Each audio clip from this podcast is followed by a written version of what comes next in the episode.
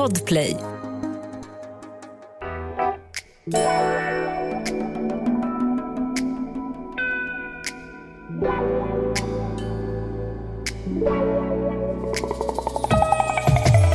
Alltså vilken brunch! Det här var en fullträff. Det här var bästa brunchen jag ätit på länge får jag säga. Men jag såg det på din bit att den var inte helt supersaftig. Jag försökte till och med få det att smaka men du sa jag behöver inte smaka, jag ser Jenny, jag ser.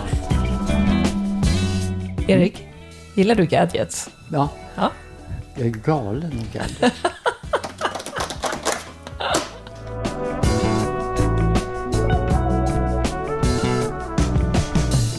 Erik, rent årstidsmässigt, är det inte liksom om just nu eh, så här i mars? Att det är liksom en lång färds natt mot dag? Jag tror jag aldrig varit så redo för våren. Ja, men bara man får se ljuset. Jag, jag, minns, jag minns några dagar sedan var det sol. Och jag blev så glad för jag tänkte nu är det vår och sen så slog det mig, nej men sjutton, vi är ju knappt halvvägs. Ja, men nu kämpar man verkligen. Men färgar det också maten du lagar? Jag menar, alla primörer är ju det är fantastiskt när de anländer en efter en. Ja, när de väl anländer ja. Säger han lite surt. Ja, jag väntar. Jag älskar rotfrukter. Jag intalar mig det varje gång jag lagar middag nu för det. Jag älskar rotfrukter. Eh, ge mig en sparris och ja, Så är du hemma liksom. ja, Ja. verkligen. Jag är, ju med, jag är ju väldigt förtjust i animaliskt protein och under vintertid så blir det mycket kött för mig. Mm, mm. Jag försöker eh, inte äta varje dag, det gör jag verkligen inte. Men, men under sommartid så kan det gå flera veckor utan att jag äter kött Ja. överhuvudtaget. Men, Ja. men på vintern så behöver liksom min kropp annat. Men därför så är jag ganska inne på fisk just nu. Jag, jag, jag, jag är dålig på fisk. Jag vet att du inte äter lax, det har vi pratat om. Du tycker att det inte finns tillräckligt bra lax. Det finns bara under en kort period på sommaren. Precis så. Då äter du viltfångad lax. Ja. Och Annars är det ingenting. Nej. Men då har jag en fråga. Vit fisk då? Ja. Ge mig tips här nu. Och har du testat en fisk som heter uver? Eh, ja, någon gång har jag nog gjort det. Ja. Men jag skulle nog eh, pang på köpa torsk framför uver. Jo, men det, det gör alla andra också. Tack snälla. Om, om du gillar torsk, varför inte prova sig? Mm. Har du gjort det? Nej, det har jag inte heller. Nej. Då blir det rödspätta kanske om jag provar något annat än torsk. Ja, men det är, det är en plattfisk. Ja. Så, mm, visst, Ja. absolut. Eh, Men om du gillar torsk, Ja. prova sig. Prova sig. Okej, Ja. prismässigt då är det ungefär samma samma. Eh, Det är väl halva priset ungefär. Kostar sig en halva vad Mm, det är torsken kostar? fortfarande en torskfisk.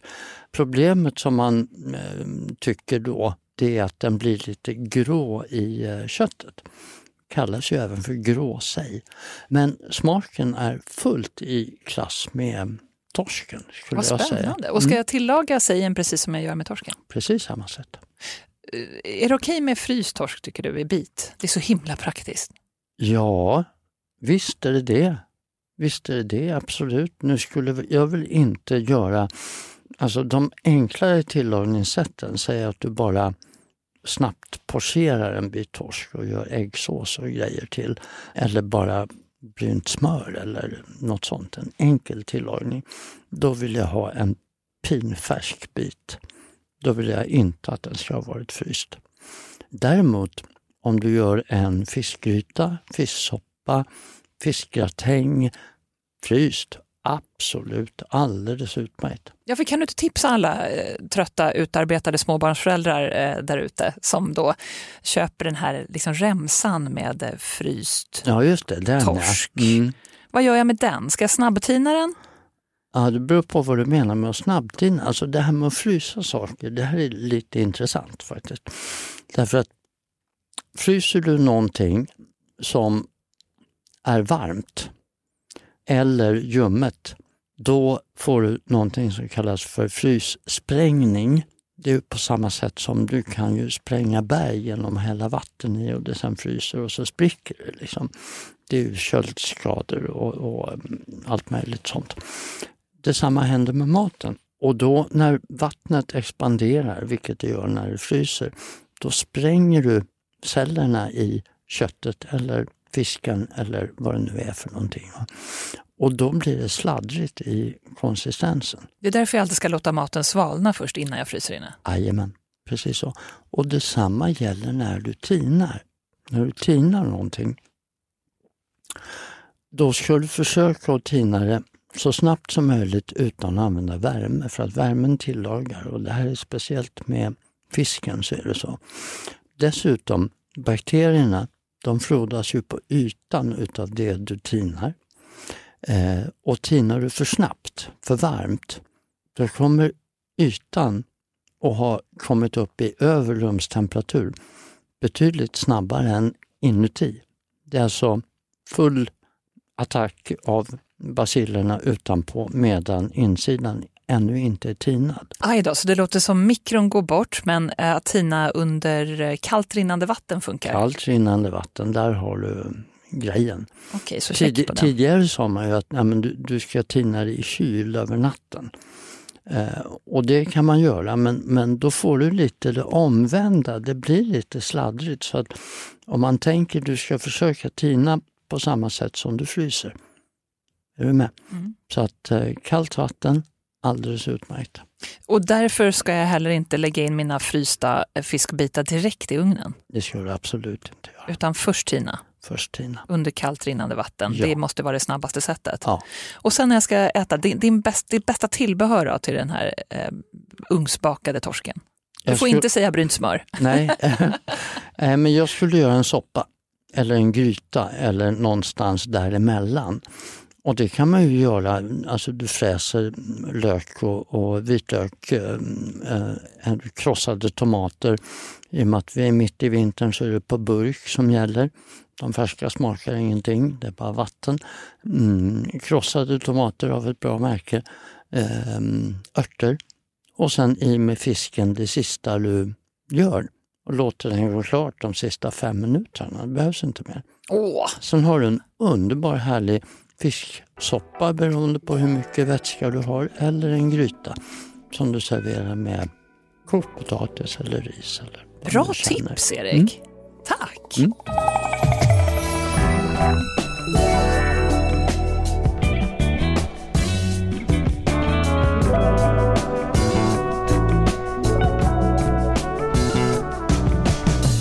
Vi är ju på Sverigeresa och vi ville testa hur eh, hotellen levererar i Stockholm, Ja, vår det ju- det- hemstad. Ja, det är ju inte så ofta som man är turist i sin egen eh, hemstad. Nej, Det har är väl ju- hänt att man besöker hotell någon gång ibland. Hur brukar du välja hotell när du reser? Brukar du välja liksom, eh, läge, komfort eller båda? Oj, hotell och ehm, klass på hotell är jätteviktigt för mig. Dels för att det är sånt jag jobbar med. Jag har ju gjort några hotell. Men också för att jag är väldigt bekväm utav mig. Jag vill att hotellet ska vara någonting mer. Just det här, äh, men hotell det, det är ju bara sånt, vi ska ju bara sova. Nej, det ska vi inte alls. Vi ska uppleva hotellet. Där. Hotellet är ju en, en kulturupplevelse i sig. Att bo på ett bra hotell och få all den service som det inbegriper. Och bra badrum, kanske ett jättehärligt badkar med utsikt.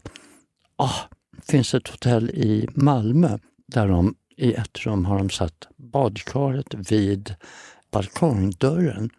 Så att du kan ligga i badkaret, slå upp balkongdörren och titta ut över hamnen i Malmö. Åh, vad härligt! Ah. Inte bara utsikt utan även få känna av eh, Malmödoften också. Precis. Åh, vad härligt! Mm. Av eh, Öresund. Ja, så att, nej, men det är jätteviktigt för mig. Jag, jag vill inte bo på något halvtaskigt hotell. Jag vill bo bra. Mm, men eh, jag håller helt med. Ja. Och idag så finns det ju sånt enormt utbud så man ska ju definitivt lägga ner lite tid på att göra sin research. För bara någon hundralapp eller två eller fem kanske så kan du få betydligt mer för pengarna. Absolut. Men också, som vi säger ofta, att man först tar reda på vad vill jag ha? Vad trivs jag med? Mm. Och sen kan man börja göra sin eh, research. Och just när det gäller Stockholm, Erik, eftersom vi båda bor här, så matmässigt då? Om du nu reser till huvudstaden för att du vill gå på eh, några bra krogar, Mm. vilken del av stan skulle du rekommendera? Ja, Det är en svår fråga. Det är en svår fråga. Först av allt skulle jag vilja säga att det här med hotellrestauranger är någonting som har verkligen tagit sig de senaste 10-15 åren skulle jag säga. Ehm, en trend som började ute i världen med att man bjöd in kända kockar till att ta över hotellrestauranger. Just för att hotellrestaurangen var det ingen som besökte egentligen. Det här har ju gjort att kvaliteten på hotellrestauranger har ju lyfts under åren. Sen har man lite såna här lokalmässiga utmaningar om vi säger så. Därför att hotellrestaurangen ska ju ibland dubblera och triplera. Det ska vara konferensrestaurang, frukostrestaurang, middagsrestaurang, mysig och härlig. Samtidigt som du då morgonen efter ska det dukas upp för 300 hungriga frukostgäster. Ja, det är en utmaning. Det är en utmaning för, eh, som, som man löser på olika sätt kan man ju säga. Så vilken blev din favoritdel? Ja, så att de som har kommit längst nu, nu får man ju titta lite grann nere runt eh, våra hubbar. Och den största hubben är väl egentligen centralstationen i Stockholm och se vad som händer där nere. För där kommer man ju in med tåget, du kommer in med flygbussen, du kommer in med Arlanda Express om du kommer till Arlanda. Så att det är ju där nere man egentligen vill bo om man nu inte ska bli uppskörtad på konstiga taxiresor och annat om man vill ta sig så kan det vara skönt att bo nära centralstation. Ja, men så tror jag att eh, många tänker, framförallt om man kanske bara gör en eller två eller några nätter i storstan. Och vi var därför väldigt nyfikna på hur ett av stans stora hotell, just nära centralstationen, jobbar med maten. Och Clarion Sign, det är alltså Nordic Choice och Petter Stordalen, ett stort bygge i granit och glas, eh, har ju Kitchen and Table där Marcus Samuelsson var med och startade upp. Precis, där har man där har de då tagit in um, Marcus för att göra Kitchen and Table. Och Kitchen and Table finns ju även på um, andra uh, Clarion hotell. Så det är ju som ett format kan man säga. Så vi gick dit på middag? Det gjorde vi. Men tänkte ta en drink först? Ja, jag tänkte att vi skulle ses på en annan stor kedja, Scandic, som har ett hotell som heter Grand Central precis bredvid centralstation också ligger bra till och mm, ja, tycker de har fått till fasad och allting. Det ser fräscht ut och så. Så jag gick in där för att vänta på dig. Och så får jag ett sms i taxin. Jag går vidare. Ja.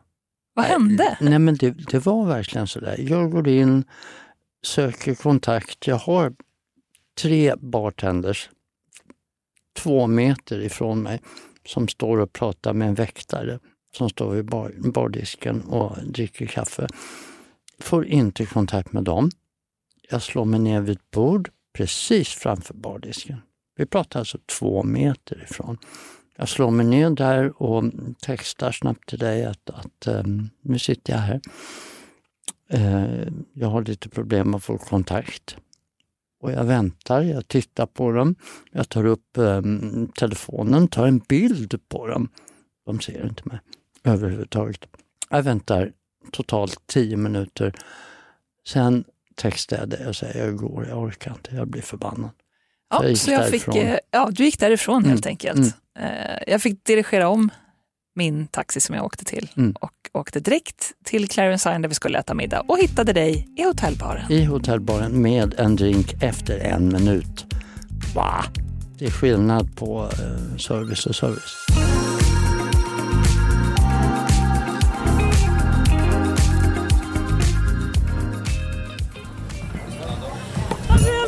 Ja, att vi möts i en hotellbar. Ja, absolut. Hej.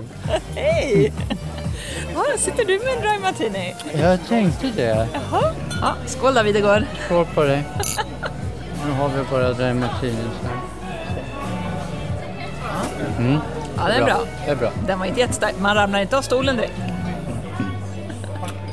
Nej, men dry martini är ju speciellt alltså. På vilket sätt? Jag tycker en Dramatini ska vara torr. Originalreceptet det är ju en tredjedel torr vermouth, två tredjedelar gin. Så då blir den ju betydligt mer alkoholsvag än vad den här är. Det här med att den ska vara så torr så att det är damm på oliven och så vidare. Det, det blir nästan lite fånigt. En bra vermouth lyfter hela drinken tycker jag. Har vi flyttat oss till middagsdelen. Eh, jag tycker det är mysigt. Det här välplacerade bord och eh, grönska däremellan. Man ser köket väldigt eh, synligt, det tycker jag om. Det är Marcus Samuelsson, det är Kitchen and Table är vi på. Det är liksom kvalitet genomgående. Om man tittar på stolarna runt det här runda bordet står danska Grand Prix-stolar. Nej men det finns ett kvalitetstänk och det, det är väl någonting som faktiskt Clarion har genomgående om man tittar på alla deras hotell. Bra design är ju jätteviktigt och det är ju mysigt för alla och de som verkligen värdesätter de vet vad de får så att säga. Och det, det känner man när man kommer hit. Oj. Jätteroligt, det är en eh, inbjudande matsal och nu ska vi se vad vi ska äta. Ska vi kolla på menyn? Ja, det ska vi. Ja. Tack. Tack. Houston, we have a problem. Jag älskar att beställa in vin på glas, det är väldigt trevligt. Jag mm. tänker att jag vill ha ett glas vin och jag tänker ofta eh, vad är jag sugen på för druva, vad tror jag kommer passa till mig rätt och nu hade jag valt det. Men det är alldeles för varmt Erik, ja. vad gör man då? Mm. Ja, det, nummer ett, låt gästen prova vinet. Ja, för vi fick inte göra det. Nej. De bara hällde upp. Och då är det ändå, jag menar, det är, inte, det är inte billigt att dricka vin på glas. Nej, verkligen inte. Det här kostar ju som en bättre flaska på Systembolaget. Så att... Det är liksom runt 150 kronor, det är mycket pengar för ett glas vin. Mm. Men jag tycker ändå att det finns en briljant lösning på det här. Ja. Som du presenterade. Ja, det var ju att ställa ett eh, vanligt glas i is, hälla över, glas, hälla över vinet i glaset och sen låta det kylas den vägen. Placera det redan inköpta vinet ja. i ett dricksglas, ja. placera dricksglaset i en ishink, ja. kyla dricksglaset, därmed vinet, ja. hälla tillbaka det första vinet som du har köpt som var för varmt i det befintliga vinglaset och saken är biff. Du har ett välkylt glas vin. Det är jätteroligt. Det är någonting med det här Erik, hotellrestauranger. Nu har vi suttit här och tittat på folk medan vi drack vårt perfekt tempererade rödvin mm. efter eget initiativ. Ja. ja, men det är så intressant tycker jag att titta på människor. Man undrar var kommer de ifrån? Varför är de här? Bor de på hotellet? Vilket ju säkert 90 procent av de som är här gör. Det är jättespännande att se. Jag tycker att de har lyckats bra med eh, att försöka fånga in en meny som ska passa alla. För det är alltid utmaningen när man har en hotellrestaurang, eller hur? Ja, men det var som Jonas Åkerlund sa till mig en gång när jag jobbade på Lydmar hotell. Han hade sitt lilla hus, eller har sitt lilla hus, precis bakom där på Blasieholmen. Um, och han sa, Erik vet du, på ett hotell måste det alltid finnas hamburgare och spaghetti bolognese. Ja men true, mycket klokt. Så är det. Och här fanns det ju kanske inte en spaghetti bolognese men det fanns en eh, hamburgare, den tog jag. Ja. Jättegod. Ja. Inga konstigheter, det fanns glutenfritt bröd, det gillar jag. Ja. Eh, den var trevligt serverad. Och du tog anka Erik. Ja. inte det ganska ovanligt att de har anka på menyn? Det är jätteovanligt att man har anka på menyn. Det är många som är rädda för att göra anka, servera anka, laga anka. Här kanske eh, så här eftertankens kranka blekhet säger att eh, ta bort ankan. Alltså det är, men det är inte svårt egentligen att tillaga anka, men det måste göras med, eh, med medvetenhet. Och kärlek. Och det blir svårt i en hotellrestaurang. Kärleken? Medvetenheten kanske mer. Kärleken hoppas jag finns där. Ja, tittar vi runt på borden här så tror jag att det blomstrar lite överallt så här en lördagkväll. Nej, men den, den var riktigt dålig, den var usel. Men, men det andra var bra. Absolut. Matresan sponsras av Sundqvist AB och glas från Riedel. Ja, Riedel har gjort det igen. Riedels glas är sedan länge en favorit hos restauranger, sommelierer och vinälskare. Nu är det dags för en ny superelegant serie Veloce. Riedel har under 50 år arbetat med att ta fram druvspecifika glas. Alltså, kupans form är anpassad för att du ska få maximal njutning av varje droppe med hänsyn till vilken druva du häller i glaset. Självklart är det detsamma med Veloce som finns anpassad för ett antal olika druvor och vintyper. De vackra vinglasen utmärker sig med en kupa i tunn kristall och en smal hög stam. Den eleganta känslan förstärks av att kuporna har en diamantformad design. Foten är dessutom märkt med den druva glaset är tänkt för. Kristallglasen i Veloce-serien är maskintillverkade och går utmärkt att diska i maskin.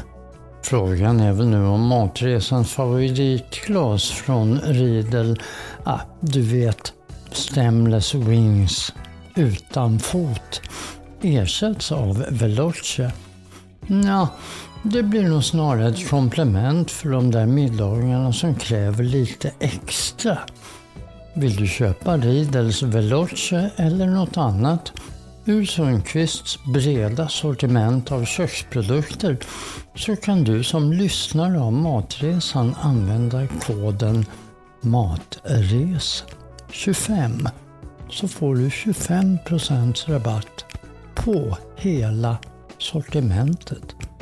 Gå in på sundqvist.se och botanisera redan nu.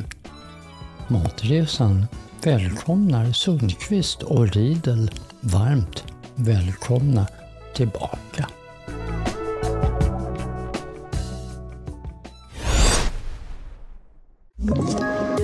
Ett poddtips från Podplay. I podden Något Kaiko garanterar östgötarna Brutti och jag, Davva, dig en stor dos skratt. Där följer jag pladask för köttätandet igen. Man är lite som en jävla vampyr. Man har fått lite blodsmak och då måste man ha mer. Udda spaningar, fängslande anekdoter och en och annan arg rant. Jag måste ha mitt kaffe på morgonen för annars är jag ingen trevlig människa. Då är du ingen trevlig människa, punkt. Något Kaiko, hör du på Podplay. Därför är gardinerna.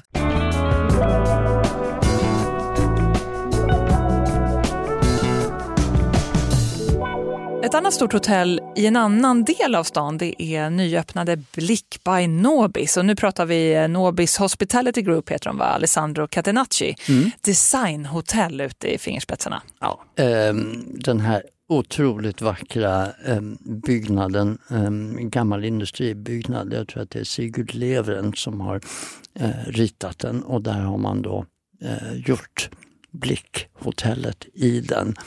När man kommer in då över en bakgård så går man in i en eh, stor härlig reception. Det är industriell känsla, jag gillar det som tusan. En trappa ner så ligger restaurangen och man är så smart, man har liksom delat in den i rum.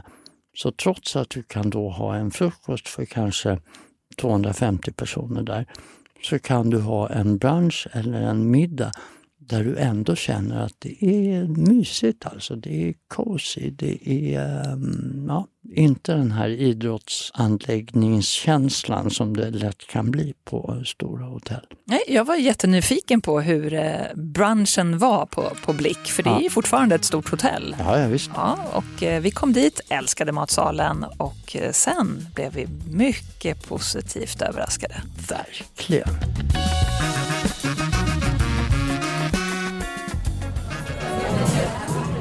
Alltså vilken brunch! Det här var en fullträff. Det här var bästa brunchen jag ätit på länge får jag säga. Jag håller helt med. Berätta, vad åt du Erik? Du, jag tog fish tacos. Fish taco, sprödfriterad. Jag skulle tro att det var torsk. Lite finstrimlad eh, morot och kål i botten. Och sen en salsa på ananas, mango, gurka och sen lite hetare majonnäs till. Underbart!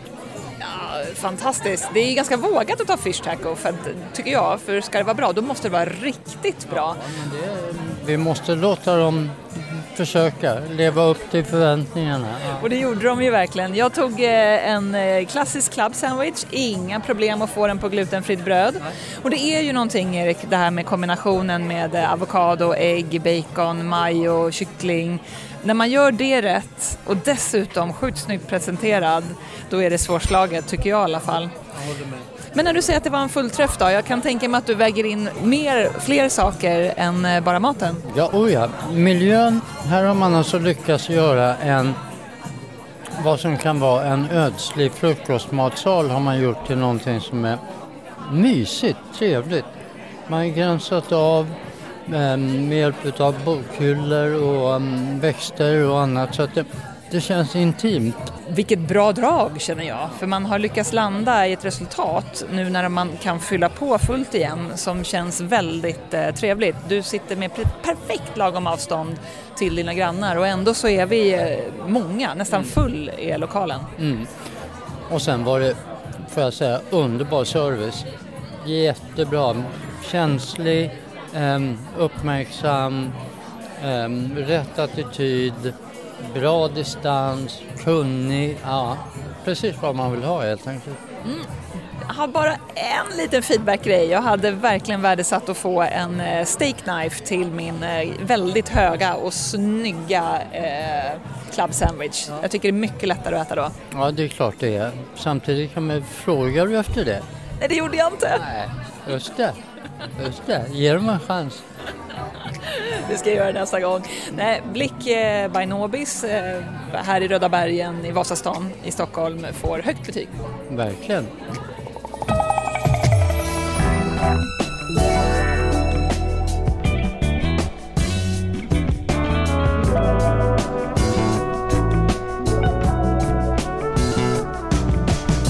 Erik, Stockholms län är stort. Vi tog oss till Sigtuna som är en av Sveriges äldsta städer och åt lunch på klassiska Sigtuna stadshotell. Ja, alltså det, Sigtuna är Sveriges första huvudstad faktiskt. Ehm, och en utflykt vill man ju göra och att se de här små städerna som ligger utspridda runt, eh, runt Stockholm. Det, om man sen åker till Mariefred eller om man åker till Vagnhärad eller om man åker till Sigtuna. Men Sigtuna är någonting speciellt. Alltså. Mm. Strålande vackert väder och eh, ett Mälaren täckt av ett tjockt istäcke mötte oss. Ah, vackert! Titta vad fint! Åh vad vackert! Mm. Titta här, här är hotellet och där ovanför eh, dörren där det står hotell, där var det en balkong förut. Och, ah, ja, ja. Eh, på 1900-talet då så eh, var Gustav V här. Jaha. Hotellet byggdes 1909 eh, och strax efter det så var Gustav V på besök. Då står en liten kille uppe på balkongen och spiller ett glas mjölk över Gustav V. Men rakt på, rakt, rakt på Gustav V? Rakt, rakt på kungen? Ja, plask. Nej! Mm. Vad hände då? Blev han arg, kungen? Uh, nej, jag tror inte det. Jag tror inte det. Eller han visar inte det i alla fall. Det låter nästan som att det var meningen. Ja, eller hur? Lite rebell där. Ska vi gå in? Vi går in. Hej! Hej. Tack så mycket. Åh, vad fint. Hej, vi tänkte äta lunch.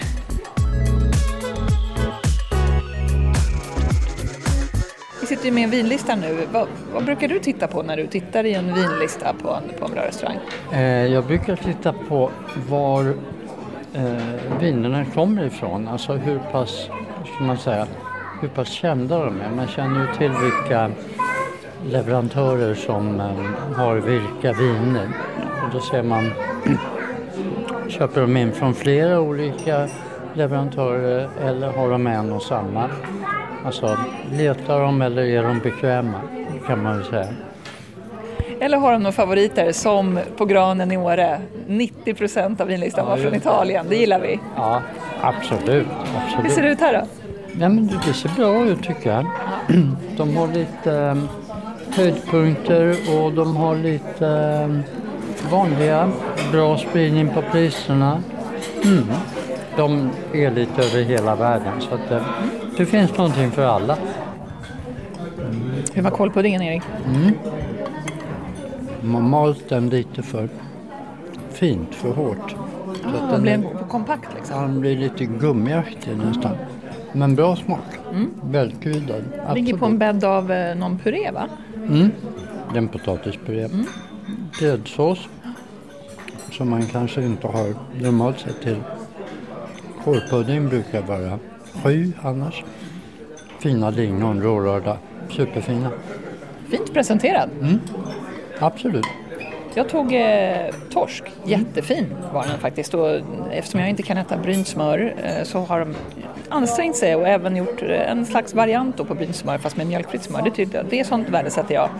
Kapris, rödbetor på en salladsbädd eh, och lite någon form av majonnäs då eftersom jag förmodligen inte kunde äta ursprunget. Men eh, jättegott! Tycker om det här, perfekt lunchrätt när det är också väldigt enkelt, det är väldigt simpelt. Man ser råvarorna, man har inte eh, förstört det med att hacka ner massa annat över utan jag ser exakt vad jag äter. Håller du med om att det är trevligt? Jag håller med. Det enkla är det svåra och ofta det goda.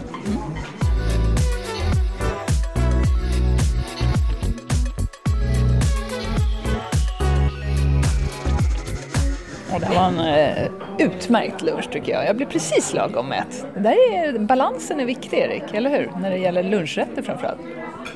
Ja, jag är ju så liten i maten så jag behöver ju inte en sån trerätters variant. Absolut inte. Det här är perfekt. Jag är jättenöjd med torsken. Den var precis att den föll isär. Perfekt. Men eh, inredningsmässigt Erik så har ju du faktiskt varit med och, och gjort valen till hotellrummen. Hur ser de ut här uppe? Det är en blandning utav, eh, ska man säga, 40-50-tal är det. Så att det är en klassiska färgval uppblandat med danska designmöbler, 50-tal originalmöbler. Vi var tre stycken när vi gjorde det här för ja, nu 22 år sedan. Min lillebror och en god vän Jonas Lindvall från Malmö som gjorde det. Mm. Men då gjorde ni det bra Erik eftersom 22 år senare så sitter vi här och de eh, har inte gjort mycket ändringar. Nej, och de ändringar de har gjort, det är de som syns att det är slitet mest. Haha! Matresan sponsras av Lavazza. Har du velat ha en riktig espressomaskin hemma? Det har jag. Men är det egentligen en bra idé? Maskinerna är rätt dyra, de kräver omvårdnad och rengöring. Och bara för att du har en fin maskin så är det inget som säger att kaffet blir riktigt bra. Yrket barista finns där av en anledning. Det har med tryck, tid, vattenmängd och ett bra kaffe att göra. Att många av världens främsta baristas använder ett premiumkaffe från Lavazza är alltså bara halva sanningen. Ja men Erik, säger du, eh, jag vill verkligen ha en riktig espresso på morgonen. En kort ristretto och kicka igång dagen med. Måste jag gå på café för det? Nej, inte alls. Lösningen heter kapselbryggare och Lavazzas nya serie Espresso Maestro som görs i fyra olika varianter. Espresso, ristretto, lungo och en koffeinfri variant. I kapslarna har du fått hjälp av Lavazzas masterblenders med rätt mängd och malning av kaffet, vilket gör att du bara på några sekunder får ett perfekt kaffe varje gång. Mina morgnar har blivit så mycket enklare. Jag föredrar en snabb kick av Espresso Maestro Ristretto innan morgonduschen. Som det är dags för nu.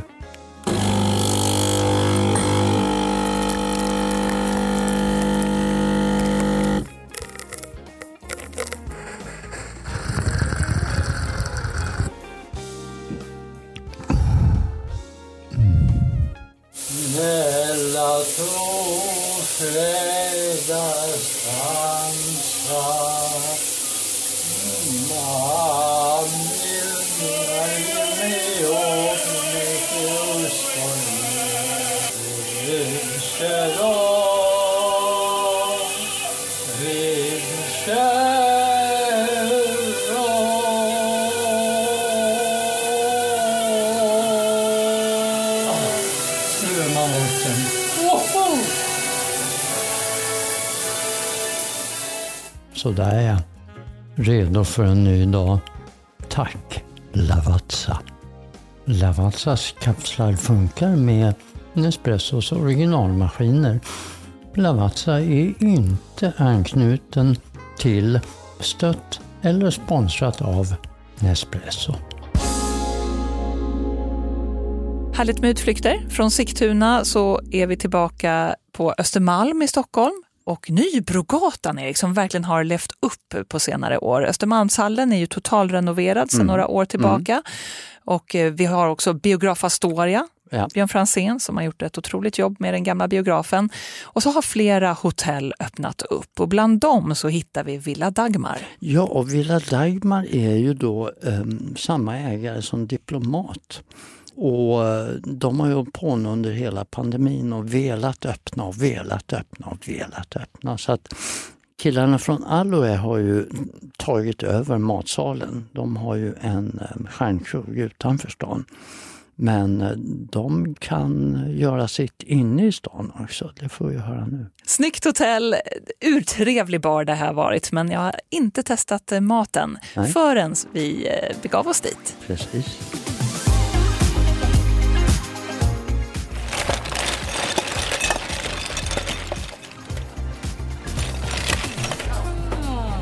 Underbart Vi har hamnat på Villa Dagmar, Erik Videgård. Ja, har vi gjort. Och du har beställt din vanliga och jag har beställt min vanliga. Alltså vi, vi, får man säga att vi är lite tråkiga när det gäller drinkval, men det finns en anledning. Det gör det. Alltså, jag tycker man bedömer eh, en ny bar på en drink och där kan man ju välja den man har som favorit. Oh, det är ytspänning på din dry martini Den är alltså. så full. Mm, mm, mm. Mm. Men riktigt, riktigt bra. Man känner citronoljan utan att eh, skalet, pilet, finns med. Det ligger och flyter ovanpå.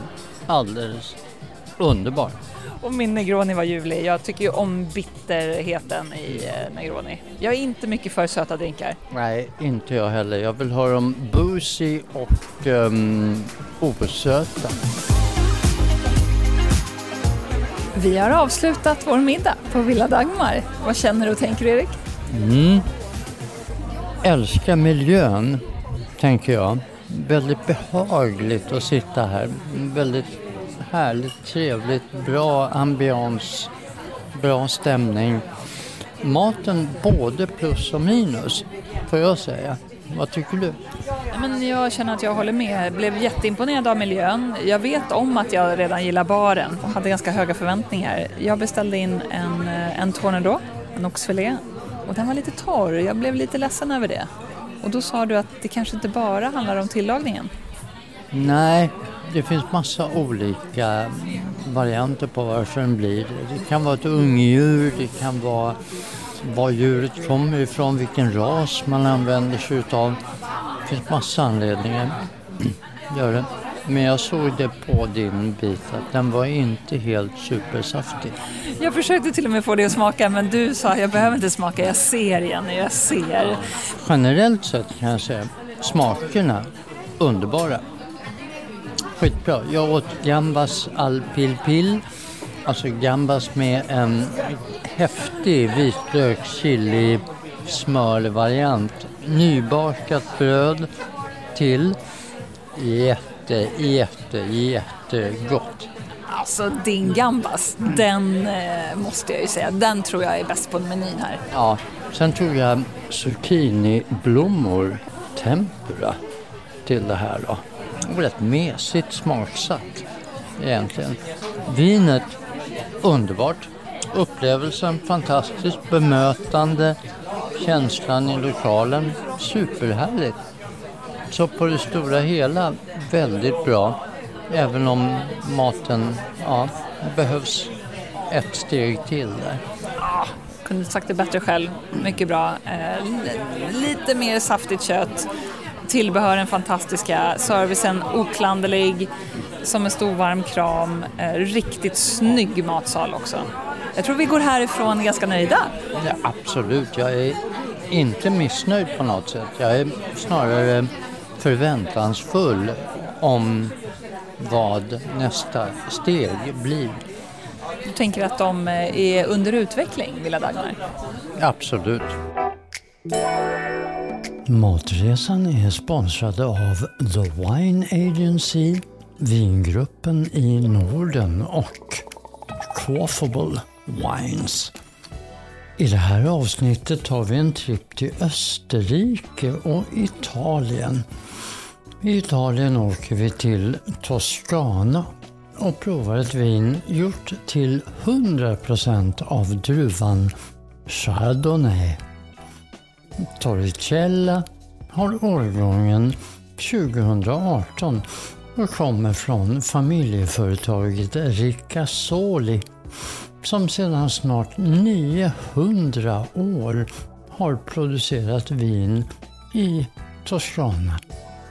2018 Torricella är ett kraftfullt vin med smörig karaktär och här får du en ton av vanilj med friska inslag av blommor och frukt men även mogna noter av honung och hasselnötter. Med sin fylliga karaktär passar det bra till smakrikare rätter med fisk i gräddiga såser och rätter med ljust kött som kalvsnitzel eller en kycklinggryta. 2018 Torricella har artikelnummer 7179 och du hittar den i Systembolagets beställningssortiment.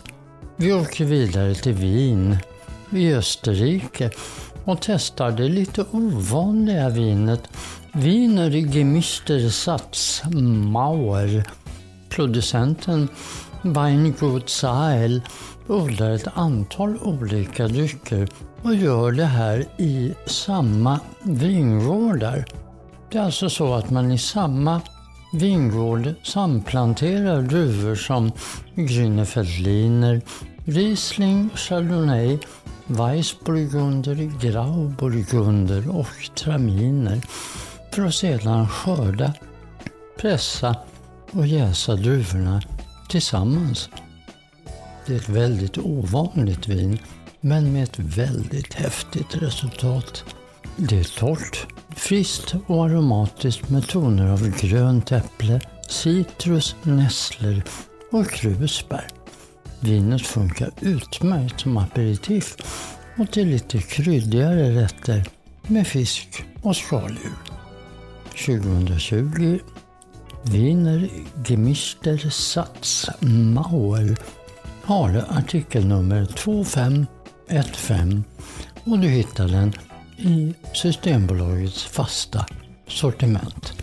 Matresan skickar ett stort tack till The Wine Agency, Vingruppen i Norden och Quaffable Wines.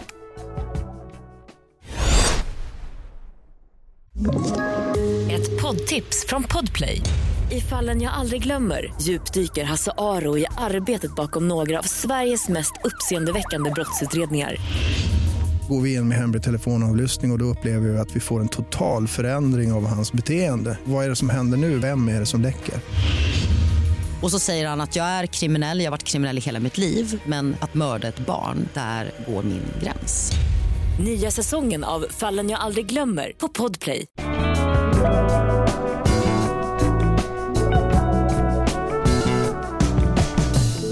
Tycker vi har fått med mycket ändå eh, på besök i, i Stockholm.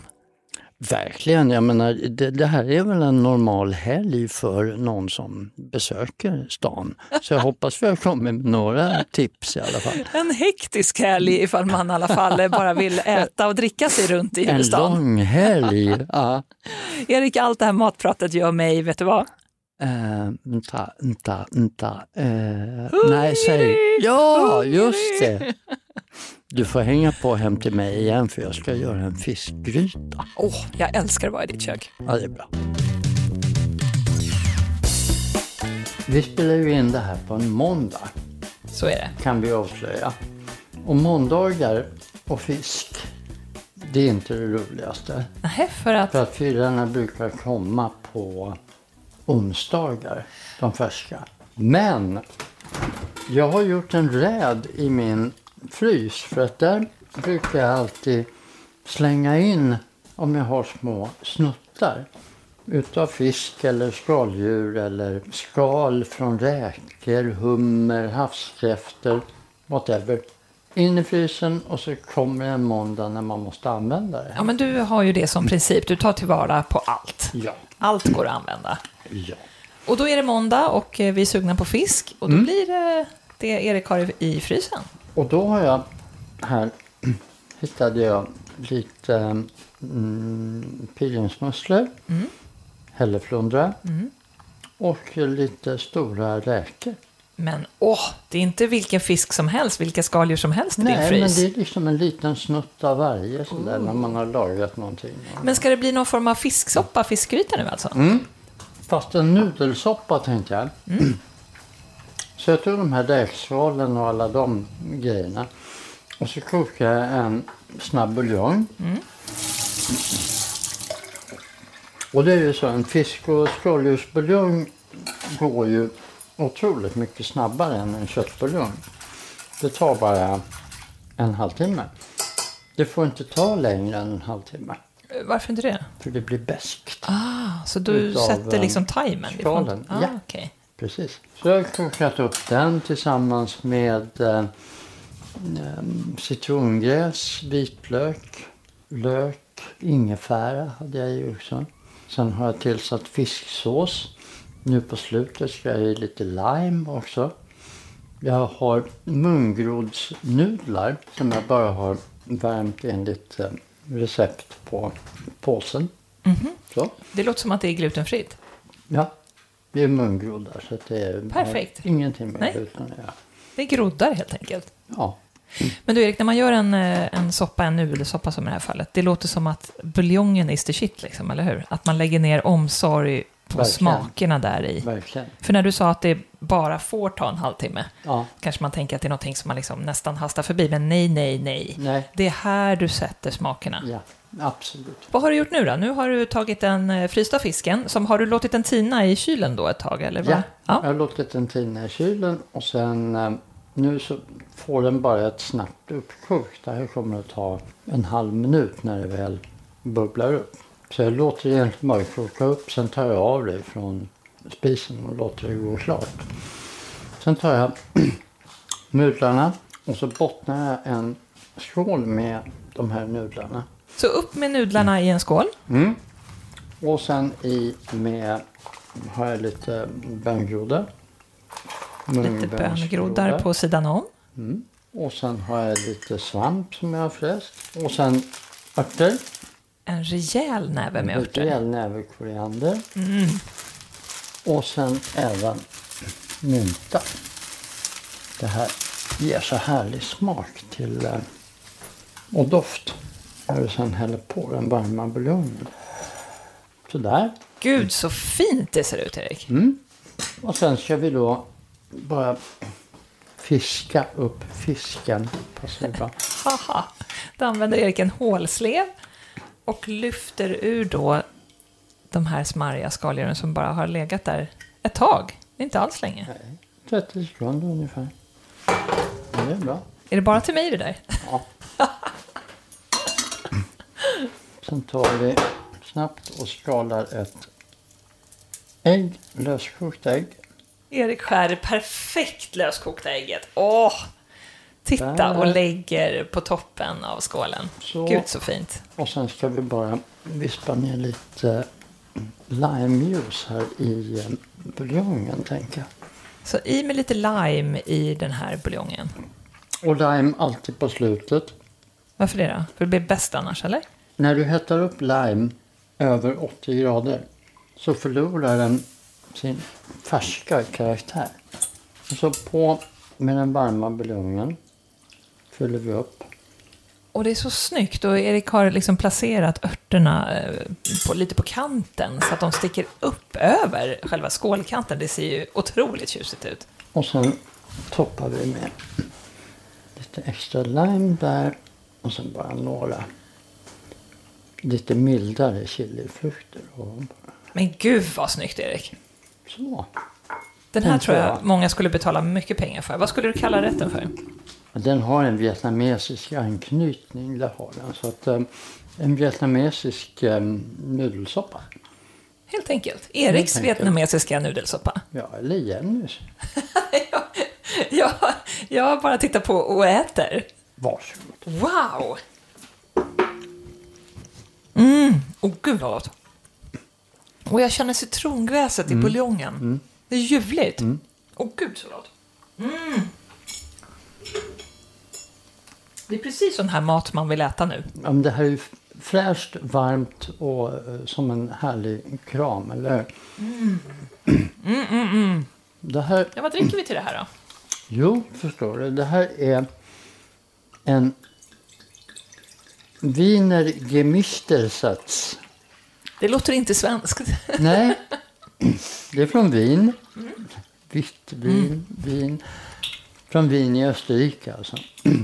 Och det roligaste med just den här Gemistersatz, det är att man har vingårdar där druvsorterna är blandade i vingården. Så att det växer liksom, det växer lite Grünefeldliner där, det växer lite Riesling där, det växer Chardonnay, det växer Weissburgunder, Grauburgunder och det växer traminer i samma vingård. Men trivs de verkligen rankorna och växa bredvid varandra Ja. sådär? De mår jättebra. Och vad man gör sen, då skördar man hela vingården, blandar alla druvorna och så gör du vinet utifrån den blandningen. Ah, så du har gjort din blend redan när du odlar eh, druvorna? Ja, Wow! precis. Och det här är ju väldigt ovanligt. Men det är just det som är en gemistersats. Och det är väldigt typiskt just för Österrike. Hög syra Mm. vid doften. Jag har inte smakat den, bara doftar. Åh, vad gott till umamin som finns i den här vietnamesiska nudelsoppan. Normalt sett dricker man den här som den är, som en aperitif eller som jag kände på mig att det skulle funka med de här smakerna. Det är jättegott, för det är ganska hög sötma i. Och det funkar ju utmärkt till eh, umami-soppan. Verkligen, verkligen. Det vill man ha.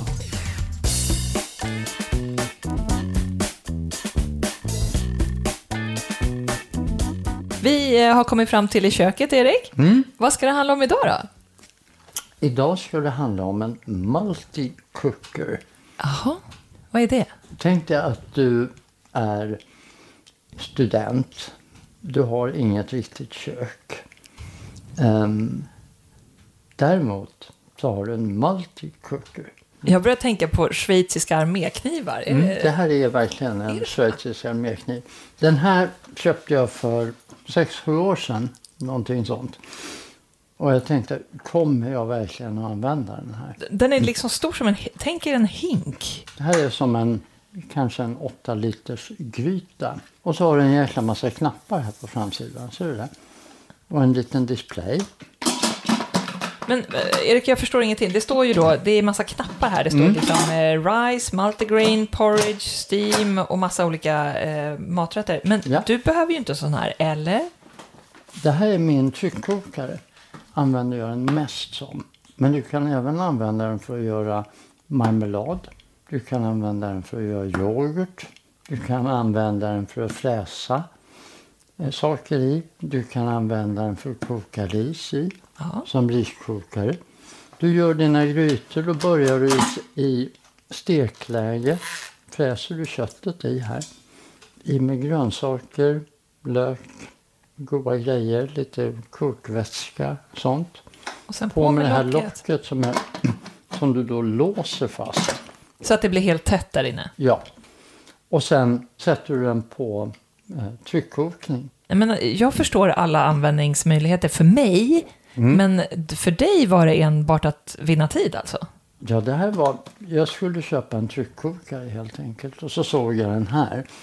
Och knappgalning som jag är så tänkte jag, mm, det där var ju intressant. Det var massa olika knappar att trycka ja, på. Det här måste vi ju testa. Man kan ånga och man kan göra liksom allting i en och samma gryta. Så jag vill inte se om det verkligen funkar. Och det kan jag säga, det gör det. Och det här finns i olika eh, prisklasser och tillverkare. Ja, olika prisklasser, olika tillverkare. Men jag tänker så här, det är ytterligare en eh, köksapparat liksom, som man ska ha plats för i köket. Om du placerar in den på listan då, då av saker i köket som ändå tar väldigt mycket plats. Var hamnar Vet den här? Du, den här skulle du behöva ersätta om du inte har så mycket köksapparater. Så behöver du ersätta den här med minst fem andra saker. Så det här är fem i ett. Så den hamnar ganska högt upp? Ja. Smart. Men vad ligger de på prismässigt då? För nu, nu börjar jag förstå användningsmöjligheterna här. ja. Ligger mellan 1200 och 2000. Men det är ju också en sån här bra present att antingen önska sig eller ge bort. Precis. Till någon som tycker om att laga mat. Precis. Eller äta Verkligen. mat som jag. Ja. En multicooker. Erik, gillar du gadgets? ja. Ja. Jag är galen i gadgets. Underbart. Okej. Ja, men eh, jag tackar för tipset och eh, har vidgat mina användningsområden. Det är jag glad för. Ja.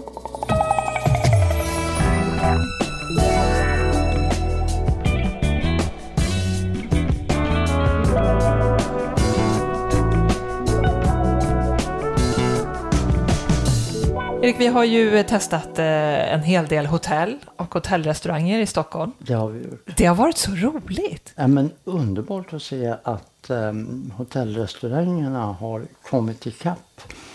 Tidigare var det ju ett straff att käka på hotellet där man bodde. Så är det inte längre. Så är det definitivt inte längre. Och det är så roligt också i och med att vi bor i Sveriges huvudstad och det är många som reser hit eh, när de kan. Och det är ju det här som man möter när man kommer och bor på hotellen i Stockholm. Det var väldigt kul att se utvecklingen.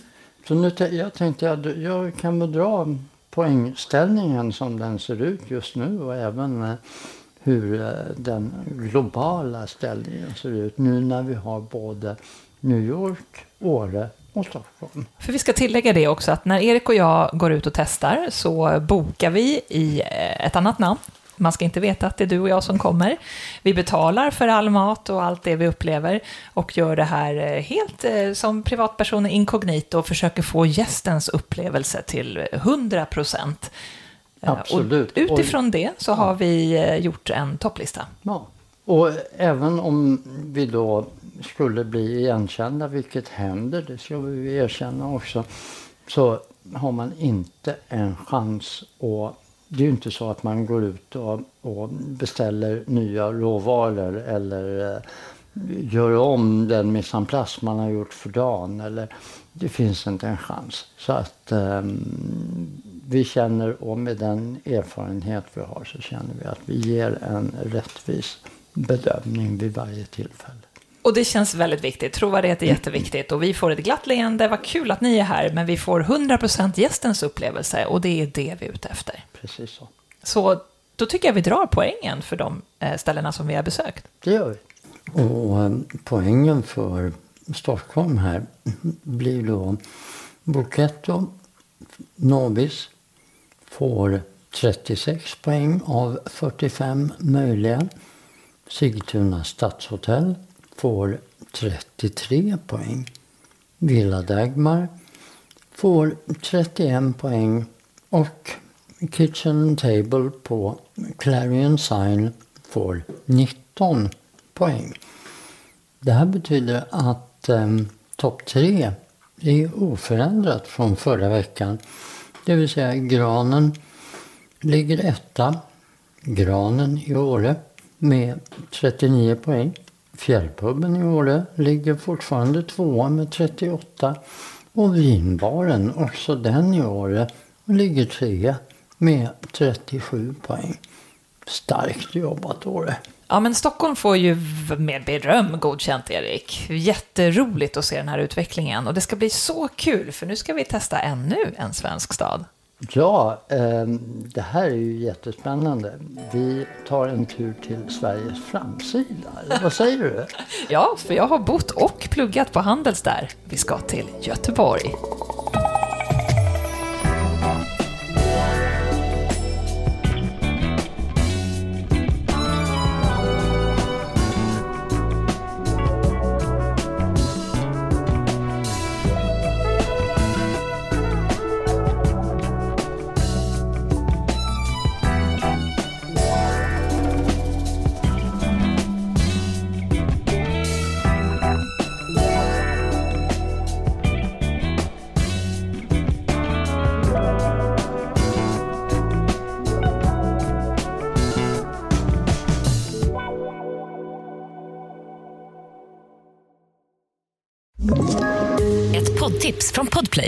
I podden Något Kaiko garanterar östgötarna Brutti och jag, Davva, dig en stor dos skratt. Där följer jag pladask för köttätandet igen. Man är lite som en jävla vampyr. Man har fått lite blodsmak och då måste man ha mer. Udda spaningar, fängslande anekdoter och en och annan arg rant. Jag måste ha mitt kaffe på morgonen för annars är jag ingen trevlig människa. Då är du ingen trevlig människa, punkt. Något Kaiko, hör du på Podplay. Därför arkadeinerna.